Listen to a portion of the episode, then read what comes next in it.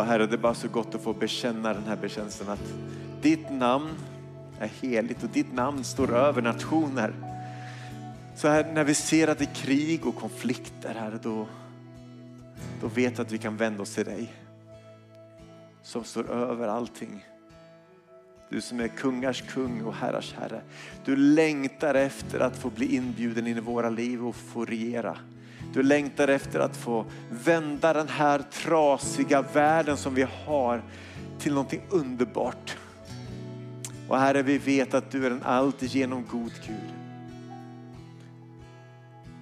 Så Herre, ditt namn är heligt. Och Herre, vi vill sjunga ut tillsammans med änglar. Att ditt namn är heligt. Herre, du ser också de som behöver sjunga ut över våra egna liv. Att det är du som är våran Herre. Det är du som är helig kung över våra liv.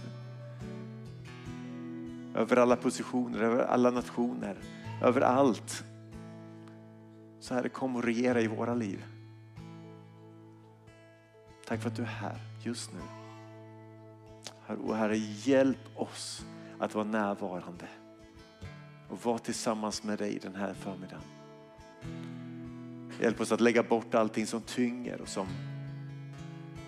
distraherar oss. Och hjälp oss att vända våra hjärtan till dig. Du som är kungars kung, herrars herre. Du som är en allt igenom god Gud. Vi längtar efter att du ska förvandla våra hjärtan.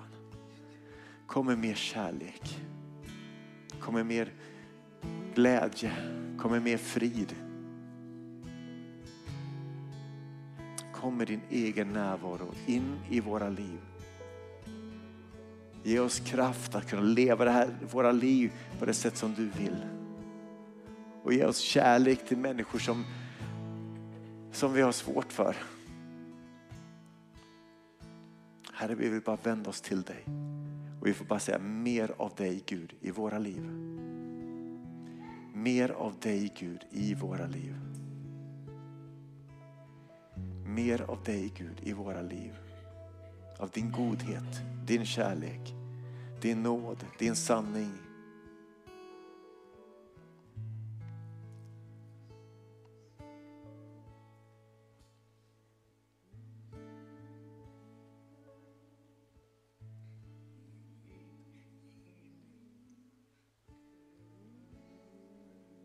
Jesus. Kan du inte sjunga den här versen en gång till?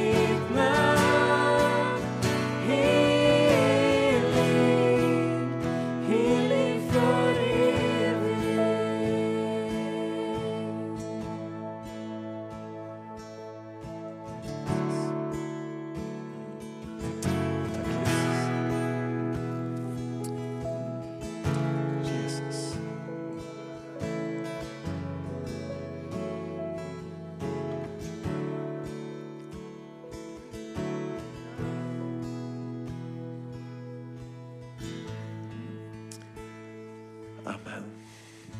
Tack.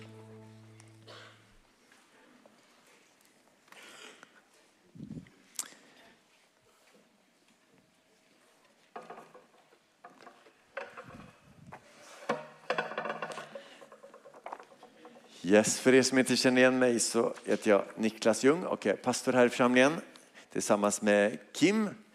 Eh, och, eh, vi är inne i en serie den här månaden som vi valt.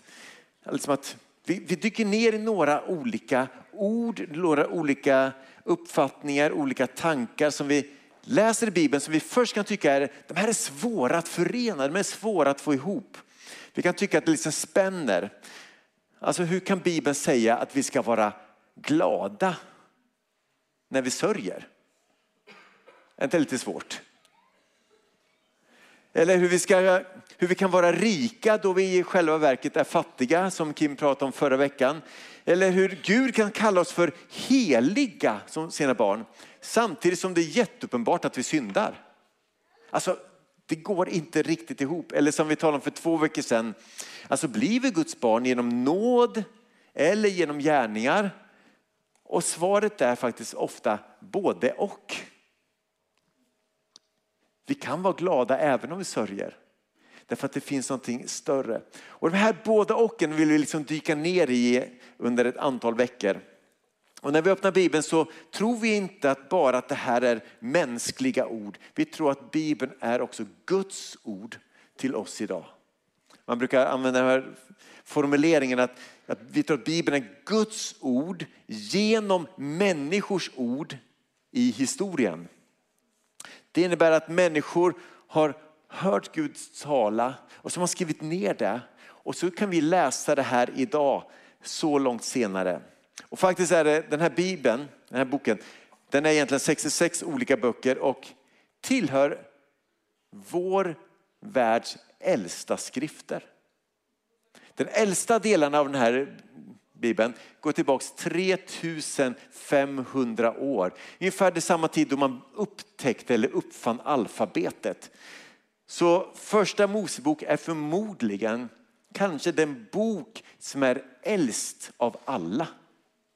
Äldsta boken skrivet på ett alfabet. Det fanns ju lite andra sätt att skriva innan men just alfabetet, det här är den första och äldsta. Så det är klart att när vi öppnar upp Bibeln så läser vi en supergammal antik bok. Som ibland måste, liksom, hur funkar det här i vår tid? Och därför bör man ställa sig frågan att okej, okay, vad betyder det för de första läsarna? Vad betyder det för de som skrev? Och säga, okej, okay, vad innebär det för oss idag? Men Bibeln är en fascinerande bok. Samtidigt är den, alltså om du, har en, om du brukar använda mobiltelefon och öppnar upp mobilen så plingar det till lite då och då och du får så här dopaminkickar från din mobiltelefon. Den här boken ger inte jättemånga sådana dopaminkickar. Det är inte så bara yes, utan den är lite långsam. Den kräver att man faktiskt ger den tid. Det kräver att man tar lite engagemang och lite tanke. Men samtidigt så är Guds ord det är levande och verksamt. Det är skarpare än något tveeggat svärd. Det tränger in i våra liv. Det skiljer själ och ande, led och märg och den blottlägger hjärtats uppsåt och tankar. Så när vi läser så är det som att det är som att titta sig i en spegel och säga okej, okay, jag ser mig själv ur Guds ögon när jag läser Bibeln. Men jag tror att vi behöver återerövra läsandet av Bibeln. Idag ska vi ta oss in i en av Bibelns mest kända texter. I den texten så, står det, så uppstår en spänning mellan å ena sidan och å andra sidan. För å ena sidan så målas det upp ett ideal hur vi ska leva våra liv. Å andra sidan så blir man som lyssnare och läsare blir man påmind om vår egen verklighet. Och att det skiljer lite på det ideal som målas upp och den verklighet som vi själva lever i. Och för de av oss som vill följa Jesus så är det här en spänning som kommer landa rakt in i våra liv. Och som ibland kan bli lite svår att hantera. Och ibland så frestas vi att välja. Väljer jag Guds ideal eller landar jag att nej, jag väljer min egen verklighet. Därför att följer jag Guds ideal så inser jag ganska snart att jag blir missnöjd med min verklighet för den når inte upp till Guds ideal.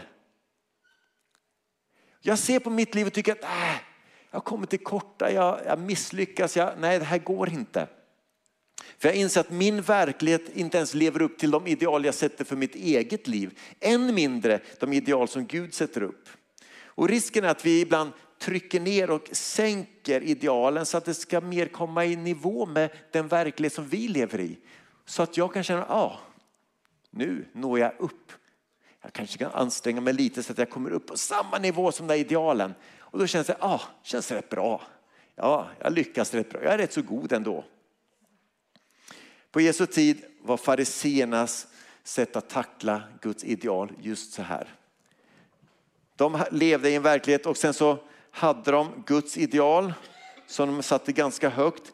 Men så sänkte de lite, de skrev till lite texter så de skulle kunna sänka lite idealet och sen kunde de anstränga sig själva för de tyckte den var lite bättre. Och sen utifrån det här tyckte man att vi lever ett gott liv. Och så mötte de Jesus. Och de blev ständigt utskällda av Jesus för att de försökte göra just det där.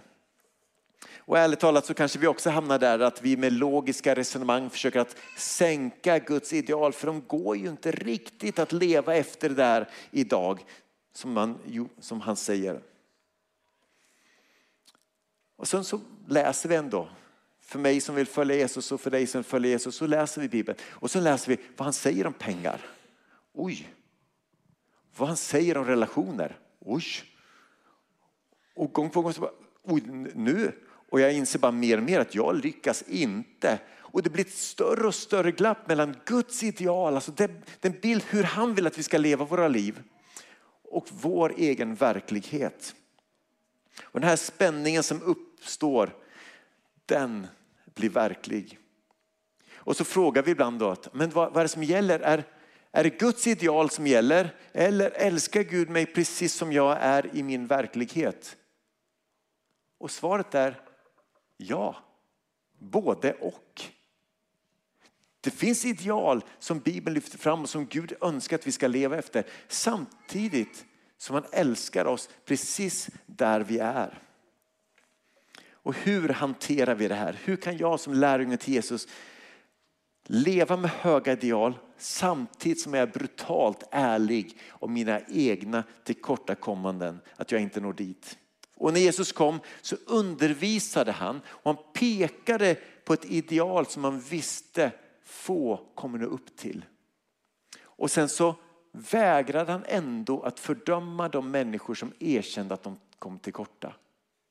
Och det här blev en spänning runt omkring Jesus. Hela tiden höjde han idealet. Han sa att ni har hört att det blev sagt, men jag säger er. Och så höjde han idealet för hur vi skulle leva våra liv. Och idag ska vi läsa från Bergspredikan som kanske är en av de mest kända texterna. Så har du en bibel med dig, slå upp den till Matteus. Matteus kapitel 5. Och den här bergspredikan börjar med de här saligprisningarna och sen så kommer den snart in i att Jesus börjar skärpa lagens bud står det. Och då står det så här, Matteus 5 och vers 21. Ni har hört att det blivit sagt, eller att det står i Mose lag, du ska inte mörda. Att den som mördar någon ska dömas. Och förmodligen alla nickade, det har vi läst. Men så säger Jesus, men jag säger er, det räcker med att du blir arg på någon så ska du dömas. Och kallar du en person för idiot så ska du ställas inför domstol. Och förbannar du någon så väntar dig helvetets eld. Alltså helt plötsligt, Gud, han höjde idealen. Alltså, du vet ju inte ens hur min chef är, Jesus. Hur kan du säga åt mig att jag inte får vara arg på honom? och du skulle möta min fru, då, då hade du också blivit arg. Alltså det är så lätt att tänka in det här, liksom att hur ska vi kunna leva efter det? Men Jesus han höjer idealet. För när Gud skapade dig och mig så står det att han sa att allting var gott. Det här är mycket gott till och med. Och det var ett ideal som han pekade på. Så att när vi når dit, det här är gott. Och han skärper lagens bud. Idealet kan man tycka då, om man lyssnade på Jesus, att det är för högt. vers 27 så skriver han, säger han ändå att ni har hört att det står i Mose lag, du ska inte vara otrogen i ditt äktenskap. Kunde alla nicka och hålla med om det har vi läst. Men jag säger er, den som ser på en kvinna med begär i blicken har redan varit otrogen med henne i hjärtat. Han höjde idealet. Och helt plötsligt så kände alla som lyssnade på Jesus, Jesus du har precis gjort oss alla män till äktenskapsbrytare. Är du medveten om det? Hur kan du, alltså det där, inte ens tänka en tanke om en annan kvinna. Hur går det? Alltså det går inte. Så Jesus, vad ska du göra med oss då? Äktenskapsbrytare som du kallar oss. Vad menar du? Kanske Jesus sa. Jag vill inte göra någonting med er först och främst. Jag vill göra någonting för er. Jag vill förlåta er. Men vilket är det då? Är det höga ideal eller kan jag leva här och bli förlåten? Ja, både och. Idealet är högre, men nåden är stor. Och så fortsätter Jesus att tala om skilsmässa. Han talar om att gå en extra mil och ingen kunde ta miste. Att Jesus han höjde idealet för hur vi skulle leva våra liv. Och samtidigt kände vi att glappet mellan det Gud beskriver, det Jesus säger och vår verklighet, det blir bara större och större. Ingen kunde ta miste. Det här idealet som han målar upp, det är svårt att leva efter. Vers 43. Ni har hört att det står i Mose lag, du ska älska din medmänniska och hata din fiende. Men jag säger er, älska era fiender och be för dem som förföljer er. Alltså Jesus, jag ber inte ens för mina egna vänner. Alltså det du begär. Och tänk er det här budskapet nu i Gaza och Israel. Älska era fiender. Det känns så omöjligt. Så långt ifrån vad vår verklighet är. Och sen så verkligen för att spika, kista, eller spika sista spiken i kistan så säger han så här i vers 48. Var lika goda som er far i himlen. Han som är fullständigt god. En annan bibelöversättning säger var fullkomliga så som er fader i himlen är fullkomlig. Och där höjde han upp det ordentligt. Alltså det där, ingen kan vara så god som Gud. Det går inte. Om det där är nivån som vi behöver leva efter för att komma till himlen. I så fall Jesus blir du ganska ensam där uppe. Och det går ganska illa för oss för vi, ingen av oss når dit. Den nivån är alldeles för hög. Du förväntar dig för mycket. Du har sett för höga ideal. Ingen människa klarar av att leva upp till det där. Och frågan som jag tror många av Jesu lyssnare hade och som kanske vi också har. Vad kommer du då göra med oss? När vi inte når upp till det där livet som du pekar på, som du tycker är idealet, som du säger, det är så vi ska leva. Vad gör det med oss? Och kanske har du tänkt en fråga när du ser på ditt liv. När du känner att du misslyckas att leva ens upp till dina egna ideal. Vad ska Gud göra med mig? Och Jesus svar på det är att Gud kommer inte först och främst att göra någonting mot er. Han kommer göra någonting för er. Han vill förlåta. Om ni bara är ärliga nog att erkänna det här glappet. Jesus han undervisade, han pekade på ett ideal som kanske aldrig skulle komma att bli en verklighet. Men han vägrade att fördöma dem som erkände att de kom till korta. Och här finns en spänning. Men låt mig fråga så här. Även om idealen är skyhöga, skulle vi inte egentligen vilja leva så? Tänk att kunna be för sina fiender. Att aldrig se på en annan kvinna med åtrå. Att aldrig bli arg på någon, att aldrig kalla någon för idiot eller ens tänka den tanken. Eller tänk, även om du kanske säger att ah, det skulle vara jobbigt att leva så. Önskar inte du att, all, att andra skulle leva så? Det är den värld som, vi, som Gud hade tänkt att vi skulle leva i. En värld som är mycket god. Att älska sina fiender, aldrig bli arg, inte se på någon annan med begär. Och så läser man om Jesus så inser man att det fanns en spänning också runt omkring honom. Den här spänningen mellan hans ideal och verkligheten, den var påtaglig så fort som Jesus rörde sig runt bland människor. Jesus levde med höga ideal och visade på dem. Men samtidigt mötte han människor och älskade dem precis där de var. I deras verklighet. Och här finns ett Guds både och. Ibland var han mild och ibland var han hård. Ibland förlät han och ibland verkar det som att han inte liksom, att han höll skyldig ansvarig. Ibland så konfronterade han synd i människors liv och ibland så verkade det nästan som att han såg mellan fingrarna. Ibland ställde han krav och ibland så verkade han kravlös. Samtidigt så människor de kunde inte ta miste. Ingen kunde ta miste om hans höga ideal. Men de kunde inte heller ta miste på hans otroliga kärlek till människor. Som älskade dem där de var. Han hjälpte alltid människor att ta sitt bästa nästa steg på sin vandring med Gud. Och vi försöker ibland att ta bort det här både och. Och om vi gör det så kommer vi förlora någonting. För när lärjungarna skrev ner det som de hade varit med om tillsammans med Jesus och de berättelser som finns hur Jesus var med människor så inser man att det här båda och är spände gång på gång. Och jag ska ge några exempel. Vid ett tillfälle så kom Jesus till en brunn i Samarien och det fanns en kvinna och för det första att en judisk man talade absolut inte med en kvinna från Samarien. Och hon kanske undrar, varför talar du med mig?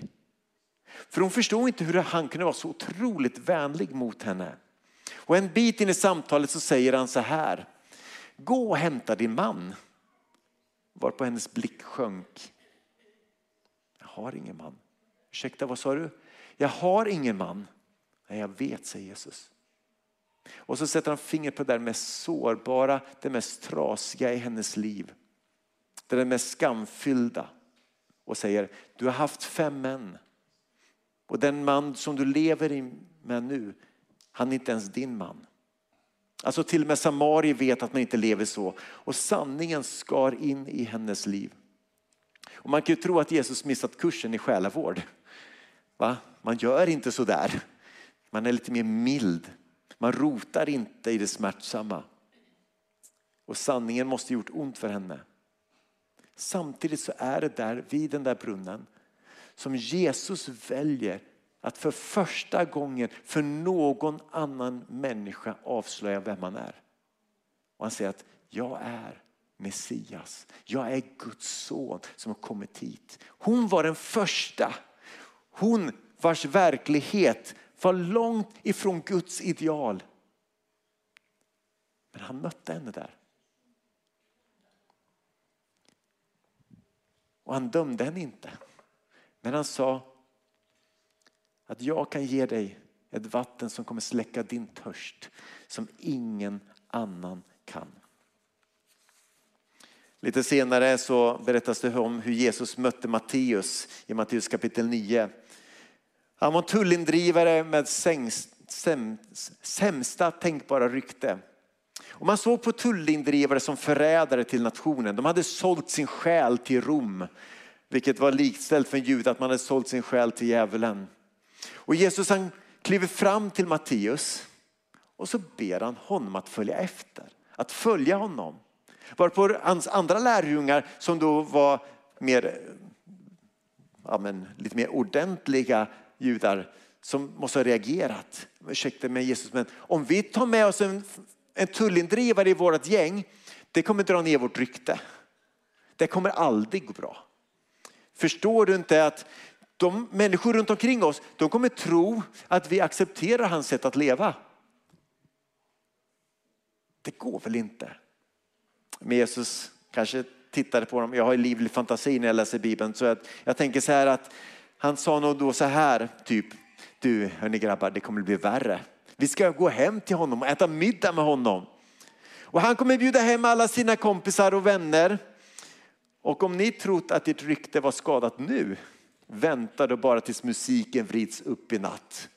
Och vinflaskorna åker fram, då kommer ni inse att ert rykte är det sista ni behöver oroa er för.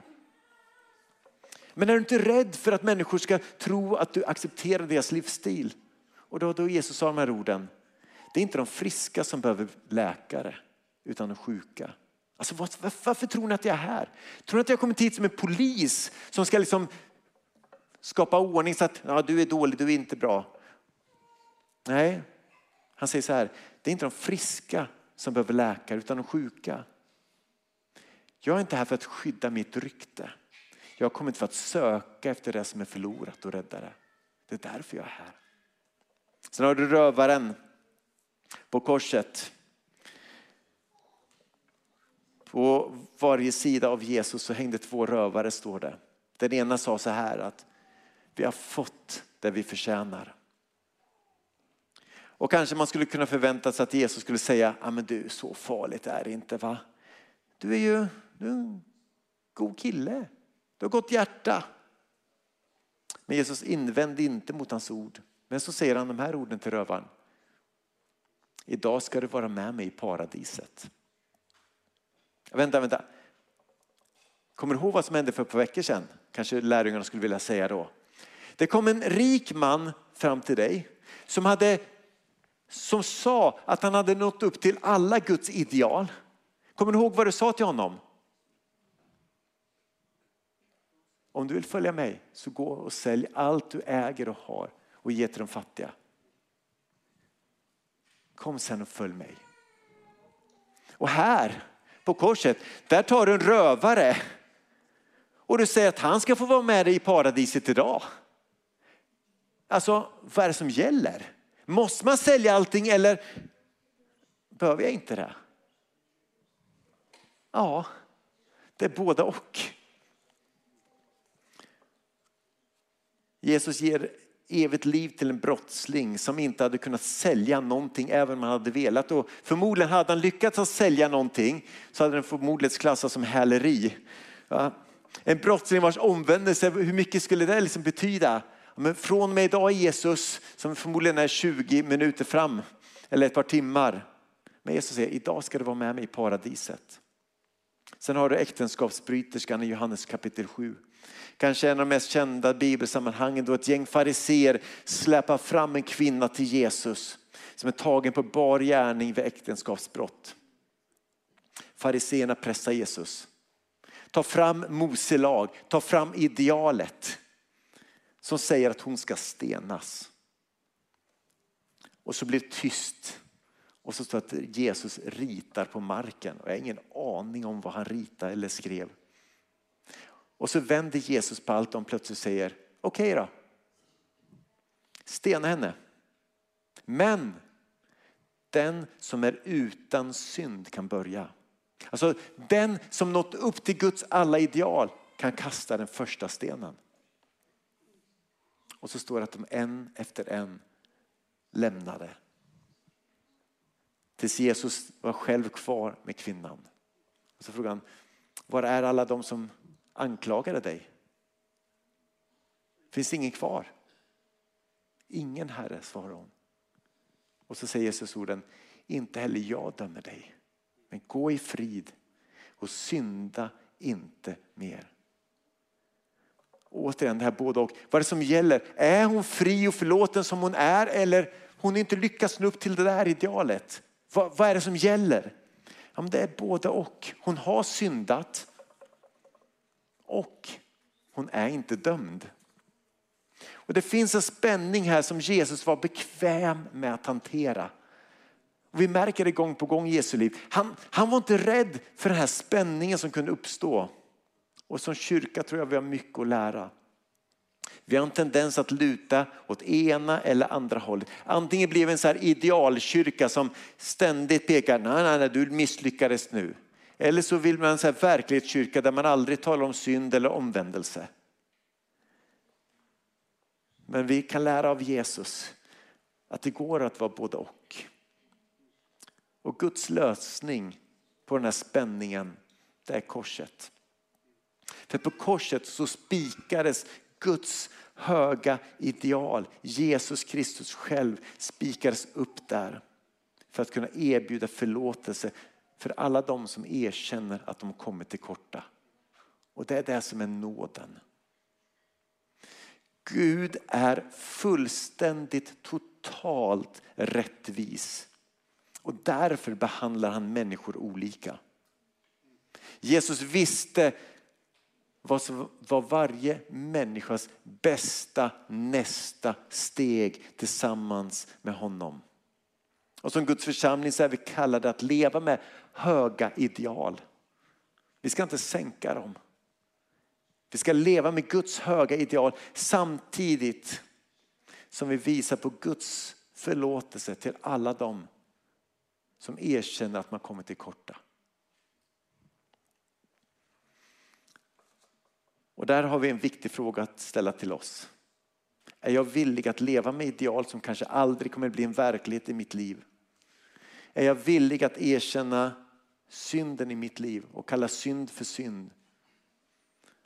Och gå med den till Jesus och säga förlåt mig. Som kristen och som Guds barn så har jag egentligen inget alternativ. Bibelns höga ideal gäller samtidigt som korset står i centrum och erbjuder nåd och förlåtelse till alla som kommer till korta. Och det spelar ingen roll. En del lyckas rätt bra med sin verklighet. Men glappet är ändå för stort för någon av oss att klara av. Och vi behöver hans förlåtelse. Och det är samma förlåtelse som är här och här. Samma nåd, samma förlåtelse. Och låt oss inte falla för frestelsen att sänka Guds ideal bara för att vi själva inte lyckas att nå dit. Men låt oss visa på den nåd och förlåtelse som finns för varje människa. Jesus han undervisar, han pekar på ideal som kanske aldrig kommer bli en verklighet i våra liv. Men han vägrade fördöma dem som erkände att de kom till korta. Att ha höga ideal, det gör oss medvetna om vår synd. Och det gör oss beroende av hans nåd. Och det är det som evangeliet handlar om. Och det är det som lärjungen Johannes sammanfattar så briljant i inledningen av sitt evangelium när han säger att, att Jesus, Gud själv, ordet som kom, som skapade allting i begynnelsen, som klev in i vår värld. Han var fylld av nåd och sanning. Både och. Vad är det då? Är det, är det sanning? Ska vi vara sanningssägare eller ska vi vara no, Vi ska vara båda och. Och lyckas att leva i den spänningen. Att bekänna vår synd, att våra misslyckanden inför hans sanning så att vi kan få förlåtelse. Och vi kan inte göra evangeliet till något annat. Det är inte bara sanning. Vi kan inte slå Bibeln i huvudet på folk och säga att du når inte upp till Guds ideal. Vi behöver sanningen. Men det är inte bara sanning. Men det är inte bara nåd. Det är nåd och sanning i ett. Och det var det Jesus gav sitt liv för. Församlingen visar därför sin allra bästa sida när vi lyckas att förkroppsliga både nåden och sanningen. Då vi som församling hjälper människor att ta sitt bästa nästa steg med Jesus. Och ibland kommer det vara rörigt, ibland lite stökigt och ibland lite både och. Men vi tror på en Gud som visade världen att det går. Att han är både och. Han är både nåd och sanning. Och det är också vår kallelse som församling. Och jag vill bara be gode Gud hjälp oss att vara en sån församling. Som lever med höga sanningsideal samtidigt som vi alltid kan möta människor där de är och peka på Jesus. Så Herre, tack för att du älskar oss så otroligt mycket. Herre, vi bara inser att vi, ingen av oss här inne kan slå sig för bröstet och säga att ja, men jag, jag minsann, jag, jag lyckas rätt bra med mitt liv. Vi kommer alla till korta mot dina höga ideal. Och Herre, vi vet att den här världen skulle sett så annorlunda ut om vi alla levde efter dem. Om vi älskade våra fiender. Om vi bad för dem som förföljer oss. Om vi ville att gå en extra mil. Om vi är villiga att, att omfamna människor. Oavsett om vi är vänner eller ovänner. Om vi aldrig skulle titta på en annan människa med åtrå, om vi aldrig skulle bli arg eller vred på en annan människa. Vi inser att dina ideal Gud, de är så höga. Men de är så vackra. Förlåt mig, min synd. Jag kommer till korta. Jag behöver din nåd. Jag behöver din förlåtelse varje dag. Och du vet de här inne som fått smaka på din nåd. Herre, den är ljuvlig. Så är de som har fått smaka på din förlåtelse, den är underbar.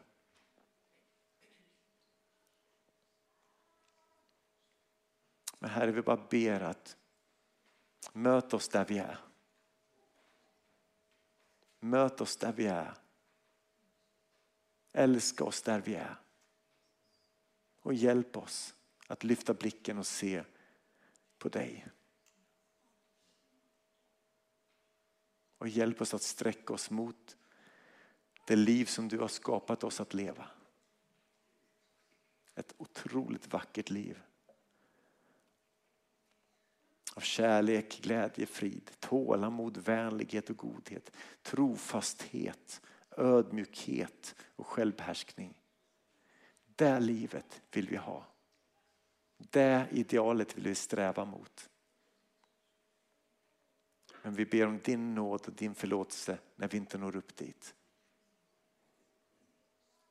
Och hjälp oss som församling att kunna vara en gemenskap där vi håller ditt ord högt, där vi håller din sanning högt. Samtidigt som vi alltid har en öppen famn för alla dem som erkänner att man kommer till korta.